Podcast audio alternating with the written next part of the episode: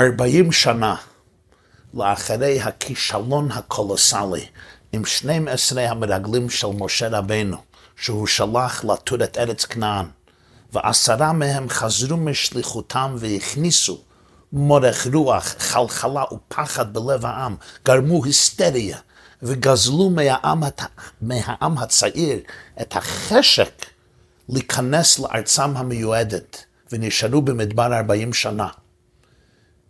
עכשיו, רגע לפני כניסתם לארץ ישראל, מחליט תלמידו של משה רבנו, יהושע בן נון, לשלוח שוב שני מרגלים לבדוק מה קורה בשטח. סיפור זה בספר יהושע פרק ב' הוא ההפטרה של פרשת שלח, וכך מתחיל הסיפור. וישלח יהושע בן נון מן השיטים שניים אנשים מרגלים חרש לאמור, לכו ראו את הארץ ואת יריחו. וילכו ויבואו בית אישה זונה ושמה רחב וישכבו שמה. מילה אחת בפסוק זה מוזרה. וישלח יהושע מן השיטים שניים אנשים מרגלים חרש. מה זה מרגלים חרש? האם הם היו אמורים להיות חרשים? בוודאי שלא. הם צריכים לשמוע מה שקורה בשטח. אולי זה מלשון במגילת אסתר כתוב, כי אם החרש תחרישי, בעת הזאת, החרש תחרישי, פירוש שקט, אם תשקוט. יהושע שלח את המרגלים בשקט. כך מפרש המלבים, רצונו לומר בשתיקה, שאיש לא ידע בדבר, רק הוא לבדו. הוא לא עשה מזה, הוא לא כתב על זה בעיתונות, לא שלח וואטסאפס. אבל השאלה מה החידוש, כך זה תמיד, כששולחים מרגלים, צריכים לעשות את זה בסודיות. המצודות דוד וכן הרלב"ג מפרשים חרש מלשון מחשבה. במשלי פרק ג' פסוק כ"ט יש פסוק אל תחרוש על רעך רעב והוא יושב לבטח איתך. מפרש המצודת דוד מרגלים חרש פירוש מחפשים מחשבות הבריות. אם נמס לבבם. כלומר, המרגלים נשלחו כדי לבדוק מה, שקור... מה קורה במחשבות של תושבי ארץ כנען. זה פירוש מעניין, אבל זה לא נראה ככה בפסוק, שניים אנשים מרגלים חרש. רש"י מביא שני פירושים מפתיעים, ואני מצטט את דברי רש"י, רבינו שלמה יצחקי, אומר רש"י, אמר להם, יהושע אמר למרגלים, עשו עצמכם כחרשים, כדי שלא יסתירו דבריהם מפניכם. פירוש ראשון. פירוש שני, דבר אחר, חרש זה כמו חרס.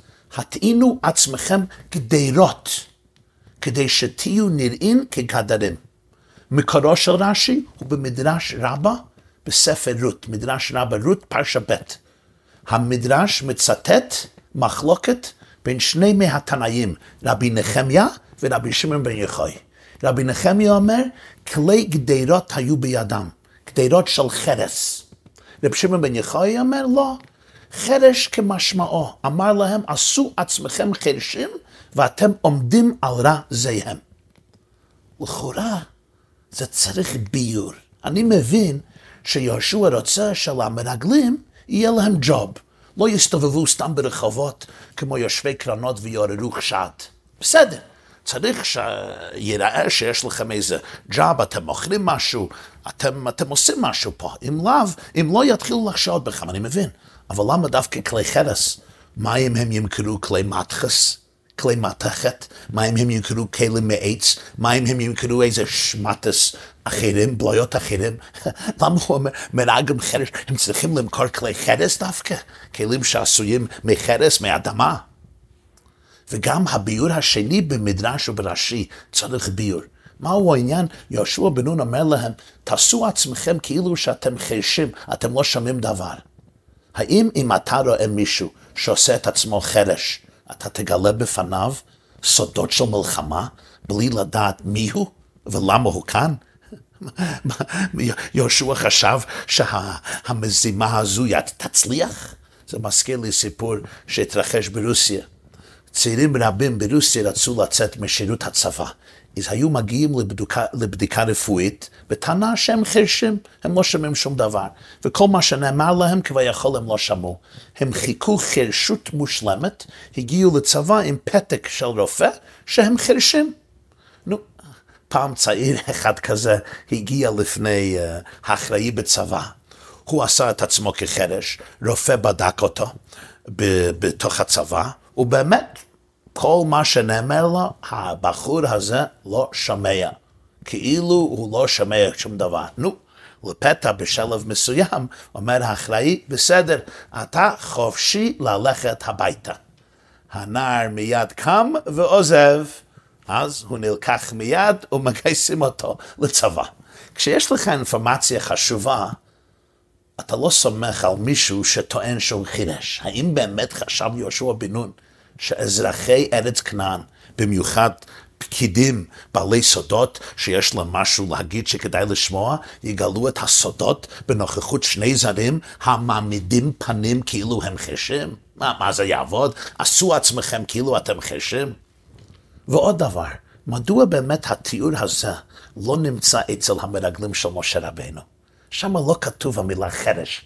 פתאום פה, בסיפור המרגלים של יהושע בן נון, יש המילה הזו, שניים מרגלים חרש. האמת היא שהמילה הזו טומנת בתוכה סוד ההצלחה של המרגלים האלה ששלח יהושע. יהושע ציווה להם להיות מרגלים חרש, ולכן באמת הצליחו, לעומת מרגלי משה.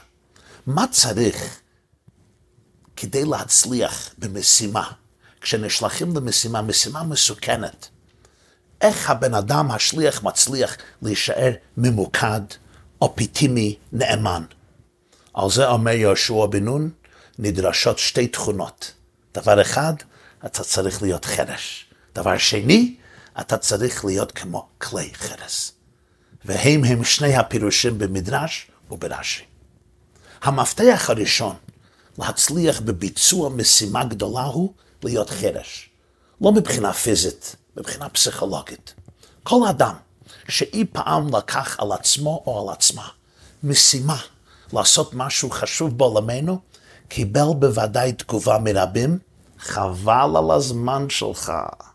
זה לא פרקטי, זה לא ריאלי. אתה רוצה לבנות משהו גדול, שיביא אור לעולם, טוב לעולם, קדושה לעולם. מישהו תמיד יגיד, אתה חולם חלומות. זה לא ילך. זה לא יעבוד. אתה רוצה לעשות משהו שישנה משהו בחברה שלנו, במדינה, בעולם. אתה רוצה להכניע את הרוע, את השחיתות. אתה רוצה להוקיא מעשי עוולה, התעללות, שנאה. מישהו יגיד, מי אתה? מי אתה? אתה בעל הבית של העולם, איזה בעל גיא ואתה תחשוב שאתה תשנה את הסטטוס קוו. אתה רוצה לבנות ישיבה, בית מדרש, בית כנסת, קהילה, ארגון שמוקדש לאהבה, למעשי חסד וכולי וכולי. מישהו תמיד יגיד, לך לרופא, אתה סתם בעל דמיונות, אתה מטורף. זכיתי לבקר במשך יותר מ-20 שנה, 25 שנה, המון קהילות יהודיות בעולם. וביקרתי המון מנהיגי קהילות, עסקנים, אקטיביסטים, רבנים, שלוחי חב"ד הפזורים בכל קצווי תבל. ואני שואלת אותם תמיד לספר לי על השנים הראשונות כשהגיעו למקומות אלה. מה הצד השווה של כולם, של כולם. כשהגיעו, אמרו להם, בזבוז זמן, בזבוז כסף. אתם לא תצליחו בו. כששיער תגדל על הפס היד שלי, אז תצליח פה. והנה, נתנו להם כסף, זה כדי לקנות כרטיס, לחזור הביתה, שלום, ביי ביי. אם אדם מקשיב לכל, באנגלית קוראים לזה naysayers, לכל אלה שאומרים לך שזה לא יצליח, לעולם לא תצליח לבצע שליחותו של הקדוש ברוך הוא שנתן לך כדי למלא בעולם הזה. אני לא יודע אם היה פרויקט, פרויקט אחד גדול בהיסטוריה שנעשה בלי שמישהו מתח עליו ביקורת. ובדרך כלל זה לא רק מישהו, זה רבים. כמה מהאישים הכי מקסימים מתו ללא הערכה, ולעיתים קרובות בחייהם היו סתם ללעג ולבוז. הרעיונות, היצירות שלהם, היו חדשנים, נועזים, מהפכנים. יש ואן גו, הוא נחשב לאימפרסיוניסט הגדול ביותר אי פעם. כשהוא חי, מי חשב עליו? מי הסתכל עליו? הוא מת ללא פרוטה. אם מנחם בגין לא היה חירש לכל הסרבנים, ולא היה מחריב את הכור הגרעיני של סדאם חוסיין בעיראק, בעיראק ב-1981, מה היה הגורל של עמנו וארצנו? אם, אם שמעון פרס ויצחק רבין והחבר'ה שלהם לא היו חרשים לכל הריאליסטים ביחס למבצע אנטבה. מה היה גורל השבויים של אידי אמין ב-36 בתשל"ו. אם, אם לוי אשכול, רבין ודיין לא היו חרשים לכל המפחדים ביוני 67 להתקיף את חיל האוויר המצרי ובכך להכריז המלחמה, מה היו התוצאות של אותה מלחמה המוכנה מלחמת ששת הימים. מאידך גיסא, אם גולדה מאיר כן הייתה חירשת ולא הייתה מקשיבה לפחדנים שסירבו לעשות משהו כדי למנוע את התקפת מצרים על ישראל במלחמת יום הכיפורים ב-74, ביום הכיפורים תשל"ד. לגייס את, את, את, את צה"ל, להתקיף תחילה, כמה קורבנות היו נמנעים. ההיסטוריה תשפוט את מעשיך, את החיים שהצלת, את הכאב שמנעת, את האור שיצרת, את האמת שהפגנת, גם אם אינך זוכה בתחרות פופולריות בקרב ההמונים. כן? הסיפור של גוגל ידוע.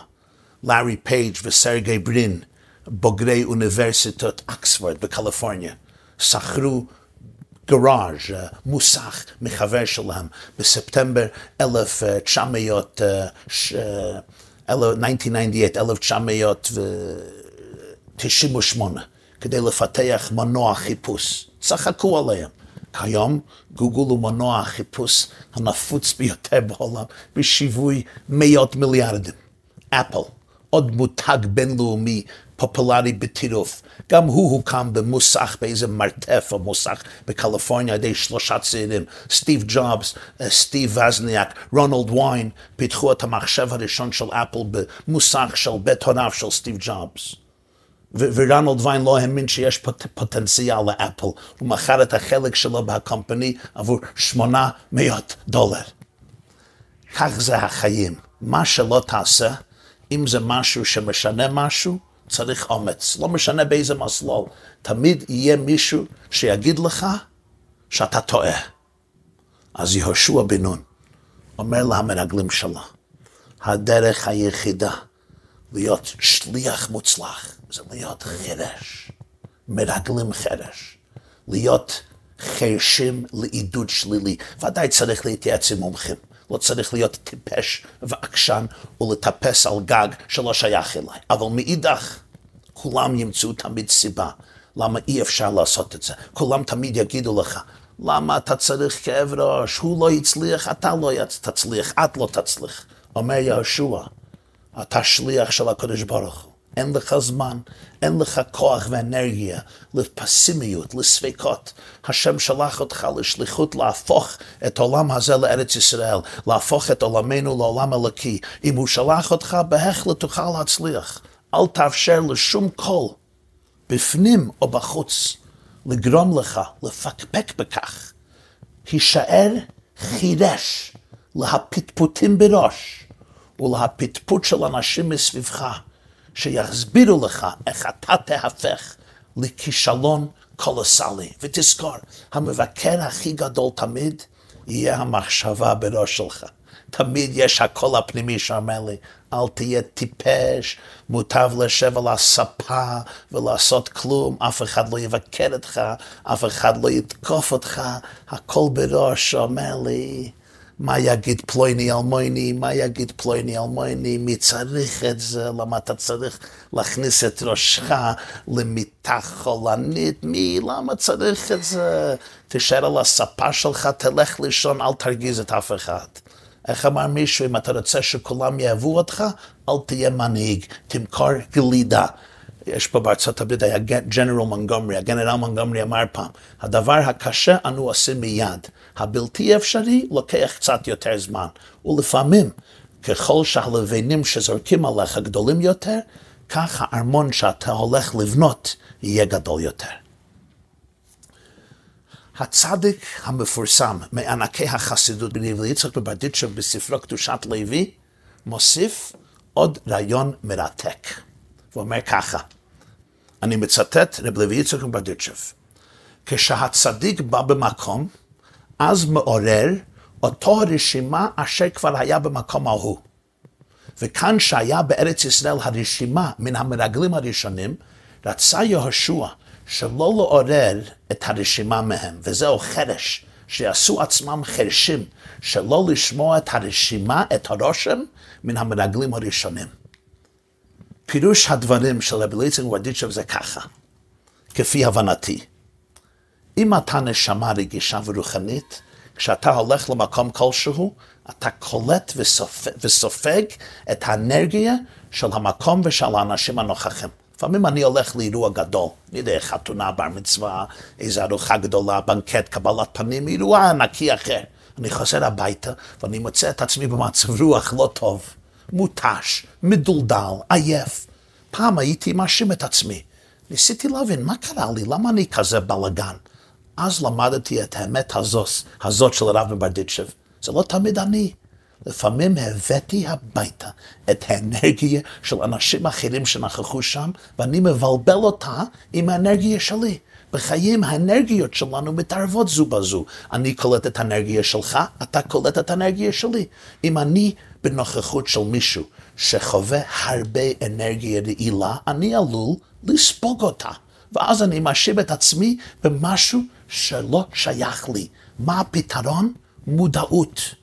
הידיעה שזה לא האנרגיה שלי, זה דבר גדול. עליי להבדיל בין מי שאני לבין מי שאני חושב שהפכתי להיות, ולא ליפול קורבן לנעילות, לשלילה, לנגטיביות שהתחברה אליי.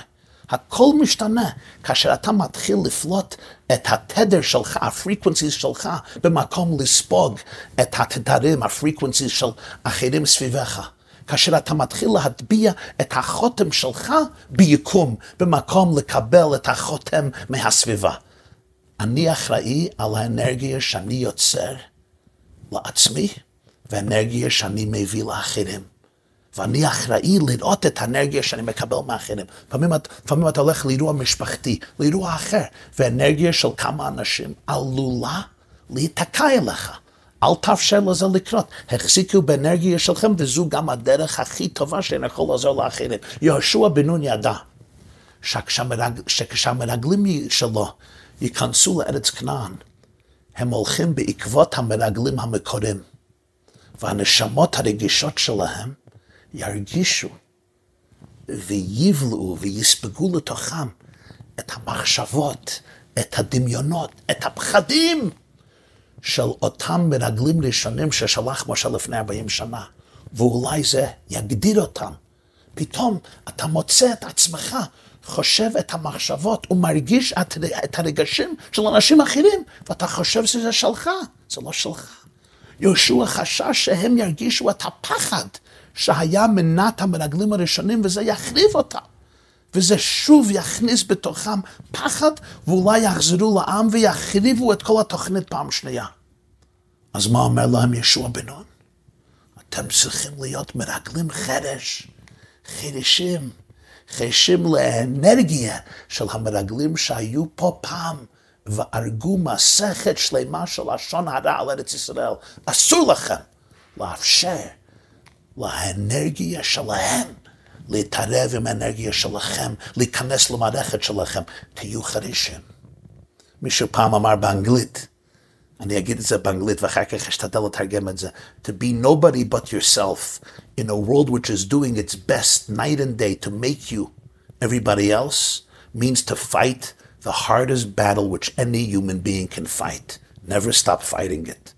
להיות אף אחד מלבד עצמך בעולם שעושה כמיטב יכולתו, יכולתו לילה ויום כדי להפוך אותך לחיקוי של כל השאר, זוהי מלחמה בקרב הקשה ביותר שבן אדם יכול להילחם בו, ולעולם אל תפסיק להילחם מלחמה זו.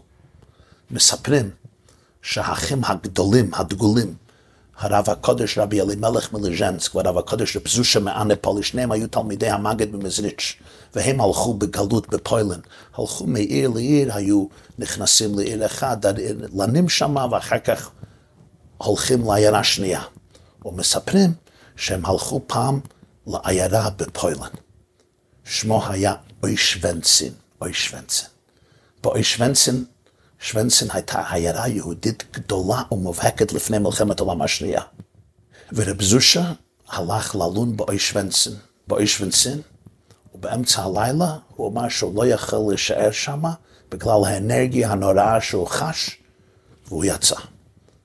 אוישוונסין נעשה העיר שידוע בשם אוישווינס. פה רואים שהנשמה רגישה יכולה להרגיש משהו אפילו של דורות מאוחרים יותר. יהושע אומר דבר שני למרגלים. אתם צריכים להיות כמו כלי חרס. תשמעו טוב. כל כלי בהלכה, כלי כסף, כלי זהב, כלי עץ, כלי מתחת, אם משהו טמא נוגע בו, הוא נעשה טמא. למשל, נבלה, גופת אדם, שרץ מת וכדומה. אם זה נוגע בהכלי, הכלי נעשה טמא ואי אפשר להכניס לכלי שום מאכל קדוש. מה אם הטומאה נכנסת רק לחלל הכלי ולא נוגעת בו? הוא לא נעשה טמא. יש יוצא מן הכלל, כלי חרס. כלי שנעשה מאדמה, מעפר, ומדפקים את זה ביחד עם מים וקצת תבן, ואחר כך אופים את זה בחמה או בתנור. גם אם הגופה לא נגעה בכלי עצמו, רק נכנסה לאוויר הפנימי, התוכיות של הכלי, מבלי לגעת בכלי בפועל, היא נעשית טמאה. מאידך, אם הטומאה נגעה בדפנותיו החיצונים של הכלי, הוא לא טמא. מה הסיבה להבחנה זו? כל טומאה תלויה בערך הכלי שנעשה טמא. לכן כלי גללים למשל, היו עושים כלים מגלל בהמה, לא מקבל טומאה.